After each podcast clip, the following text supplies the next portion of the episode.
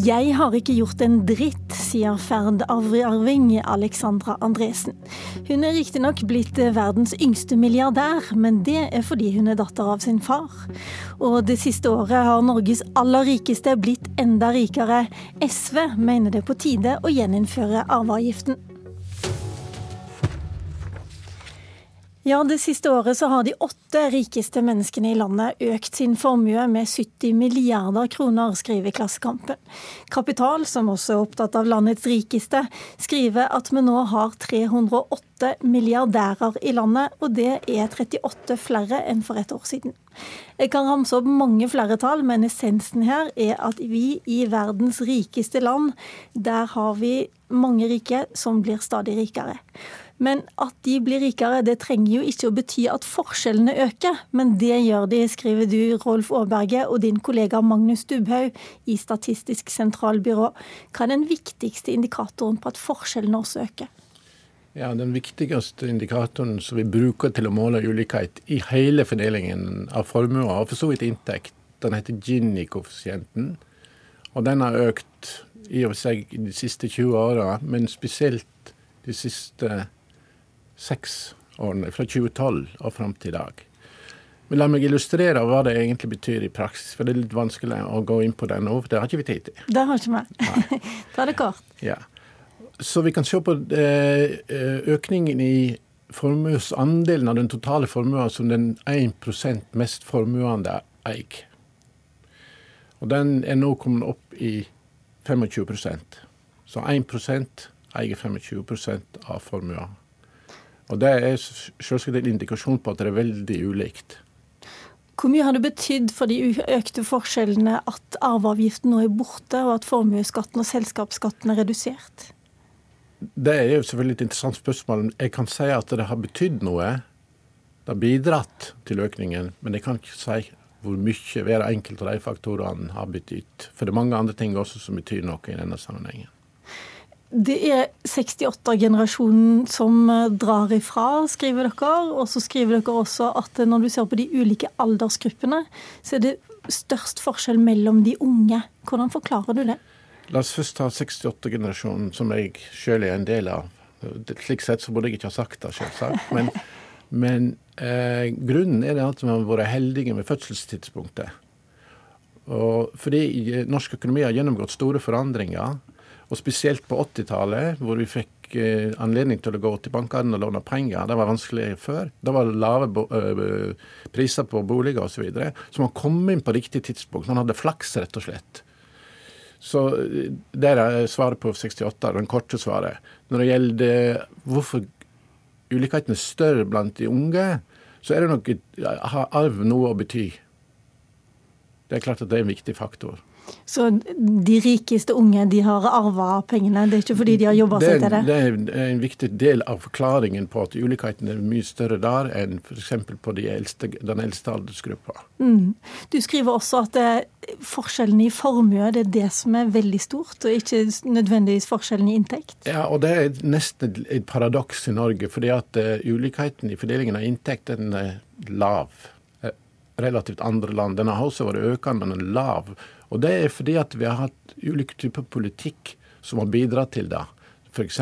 skattesystem, progressivt skattesystem.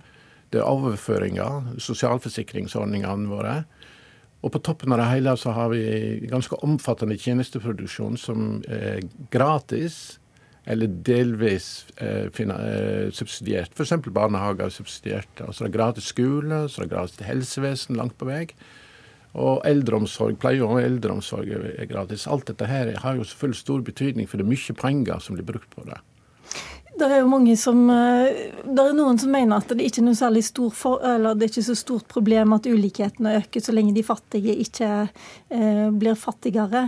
Eh, men likevel så er jo dette definert som et problem av OECD f.eks. Hvorfor er det et problem at ulikhetene øker, mener du? Eller ja, et problem Du kan si det, det, det er iallfall rimelig eh, eh, legitimt å diskutere det. fordi at eh, vi, vi, lever jo i det vi kan kalle et liberalt demokrati, et liberalt kapitalistisk samfunn. Og En av grunnideene der er at folk skal ha like muligheter. hvis det er slik at vi ender opp med et samfunn der arv betyr mye mer enn talent, ja vel, så begynner, da fjerner vi oss ganske langt fra det idealet. Mm. Tusen takk skal du ha, Rolf Aaberge. Jeg skal vende meg til deg, Kari Elisabeth Kaski. Du er finanspolitisk talsperson i SV. Og nå mener dere det er på tide med en arveavgift, men ikke den samme som regjeringen eh, tok bort i 2015. Hva er det dere mener er på tide å gjøre nå? Ja, vi foreslår jo egentlig her å reversere det som har vært et skattekutt for de aller rikeste i samfunnet, og få på plass en arveavgift igjen. Den man hadde tidligere hadde etter vår mening et for lavt bunnfradrag, først og fremst. Så at det traff for stor del av sjiktet av befolkninga. Nå foreslår vi å få på plass en arveavgift som skal sørge for at man skatter etter evne. Med et bunnfradrag på 5 millioner. Eh, relativt lav sats, vi har sagt 10% Vi er villige til å diskutere den modellen der, eh, men, men det viktigste for oss det er at når du arver mye penger, da skal du også skatte etter evne. Da, da skal vi også sørge for at man betaler en skatt. For vi er jo bekymra for at ja, sånn som det ble sagt her, eh, de rikeste trekker ifra. Vi ser at formene til de rikeste i Norge har mer enn fordobla seg siden finanskrisa. Og jeg syns ikke det er rettferdig, rett og slett, at man skal kunne arve så mye penger uten å måtte skatte av det. Henrik Asheim, du leder finanskomiteen og sitter i Stortinget for eh, Høyre. Hvorfor er det riktig at vi skal betale forholdsvis høy skatt for å jobbe, mens det skal være skattefritt å bli født inn i rikdom? Nei, det som vi har sagt er at det skal være skattefritt at noen dør og, og, noen andre overtar den eiendommen. For det er veldig vanskelig å forklare hvorfor staten skal ha en andel av den transaksjonen.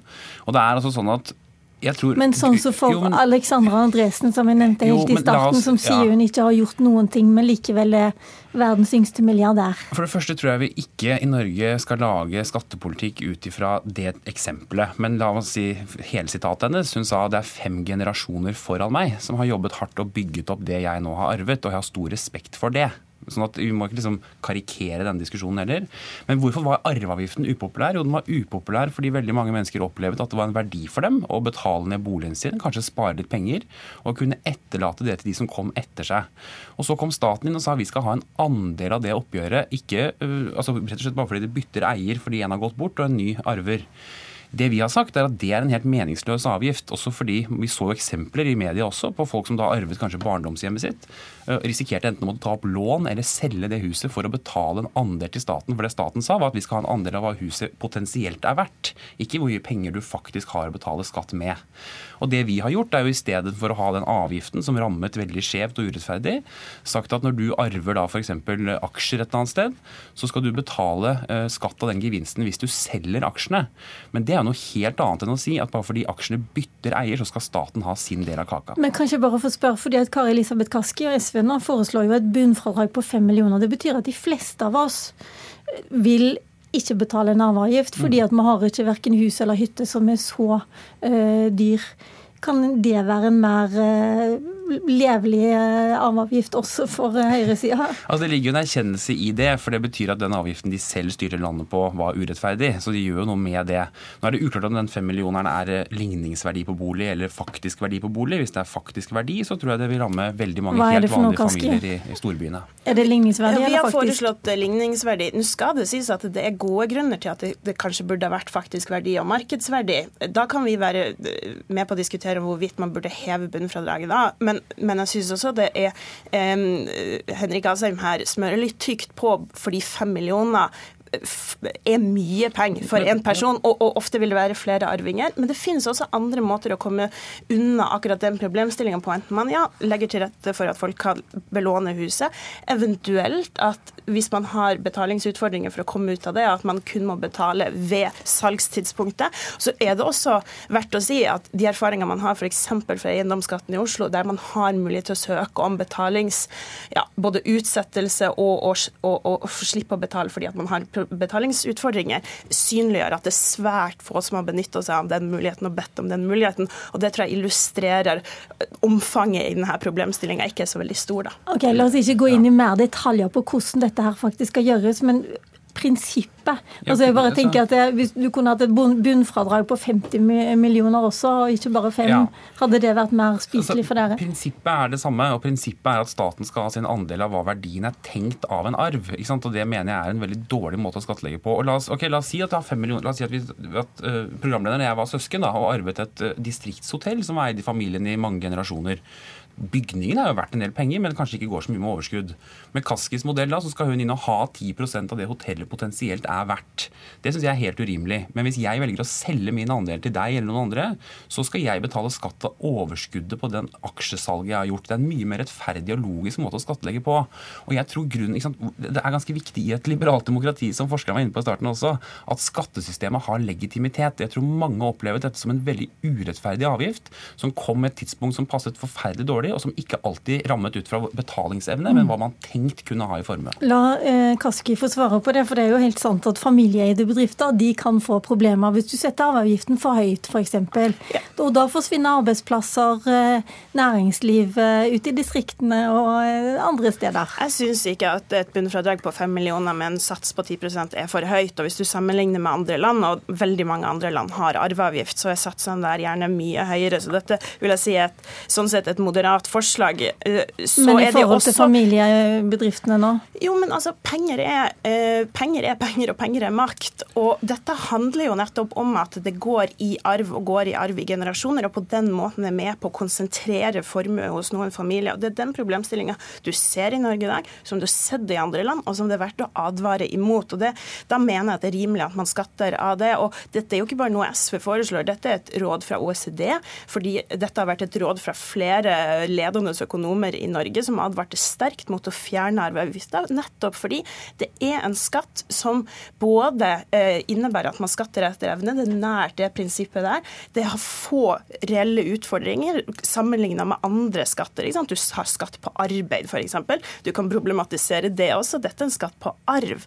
Eh, og ehm, det er noe som, som ja, både OECD og til og med The Economist tar til orde for. Så dette er det jo egentlig bred oppslutning om globalt, og som vi burde få på plass i Norge også. Men da kan man jo godt si at det er jo ikke akkurat bred oppslutning heller på rød-grønn side. Det er jo det er SV og Rødt som foreløpig går inn for den delen. Definitivt. Og jeg syns det er dypt oppsiktsvekkende at Arbeiderpartiet var med på å fjerne arveavgifta, ikke ønsker å, å, å, få den tilbake igjen. Og de var med på det skattekuttet for de aller rikeste. Men en stor tabbe av Arbeiderpartiet. Det var også en stor tabbe av regjeringa å fjerne den. For det er en viktig skatt i Norge som, som innebærer at man skatter etter evne, som forhindrer at formue blir konsentrert i få familier, og at man kan arve seg til rikdom og posisjon her i samfunnet. Jeg bare lurer på, Asheim, Syns du det er problematisk at hva er det, to av tre av de 100 rikeste i Norge de har faktisk arva disse pengene sine?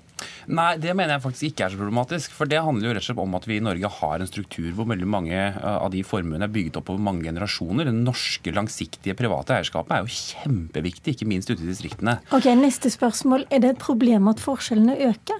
Ja, det er det. Eh, og det er noe vi skal bekymre oss for. Og, og hva vil du gjøre med det da? Jo, men Det er det som er litt viktig å huske på, at eh, skattesystemet vårt har ikke bare som formål å omfordele, det er også formål for eksempel, å skape flere arbeidsplasser eller bidra til at flere jobber osv. Mens den store omfordelingen i Norge den skjer jo egentlig gjennom velferdssamfunnet vårt. altså 80 av omfordelingen i Norge skjer jo gjennom hva vi bruker skattepengene på. Det at man har gratis utdanning til alle, det at vi har billige barnehager til mange. Men nå øker jo likevel eh, forskjellene, og hva vil du gjøre med det? Ja, så det er viktig for å si at Forskjellene øker fra et veldig lavt nivå og veldig forsiktig. Men det viktigste vi skal gjøre med det, er å bekjempe den store nye varsellampen, som er barn i lavinntektsfamilier. Og det er særlig barn i innvandrerfamilier. 55% av de som er på den statistikken, er innvandrerfamilier. Derfor varsler regjeringen nå at vi skal utvide gratis kjernetid for, eksempel, for denne gruppen. Vi skal øke bostøtten for familier osv. Okay. Ja. Kaski? Altså, du, hvis du vil ta ulikheter på alvor, så kan ikke du bare løfte bunnen. Da må du gjøre noe med de på toppen òg. Og skal vi ha råd til å finansiere en bred velferdsstat i årene som kommer framover, da må flere være med på det spleiselaget. Da kan vi ikke fortsette en kombinasjon av skattekutt til de aller rikeste med mange smålige kutt for de på bunnen. Det er ikke, bærbar, det er ikke holdbart. Men Det er jo heller ikke det vi gjør. Men så er det sånn slik at det store problemet med arveavgiften er jo at veldig mange av de som hadde mye penger, kunne jo skatteplanlegges ut. Så det er en dårlig avgift. Jo, men Det er en problemstilling du møter på uansett. ikke sant? Nei, de det er det ikke. Jo, de rikeste i samfunnet har større forutsetning for å drive på med skatteplanlegging. Det må vi bekjempe. Det er ikke et argument for at vi likevel må ha et system der de skatter. Hjertelig takk, Kari Elisabeth Karski fra SV og Henrik Asheim fra Høyre. Mitt navn er Lilla Sølhusvik, og hør på Politisk kvarter igjen i morgen. Men fortsett å høre på Nyhetsmorgen etter eh, Dagsnytt nå klokken åtte.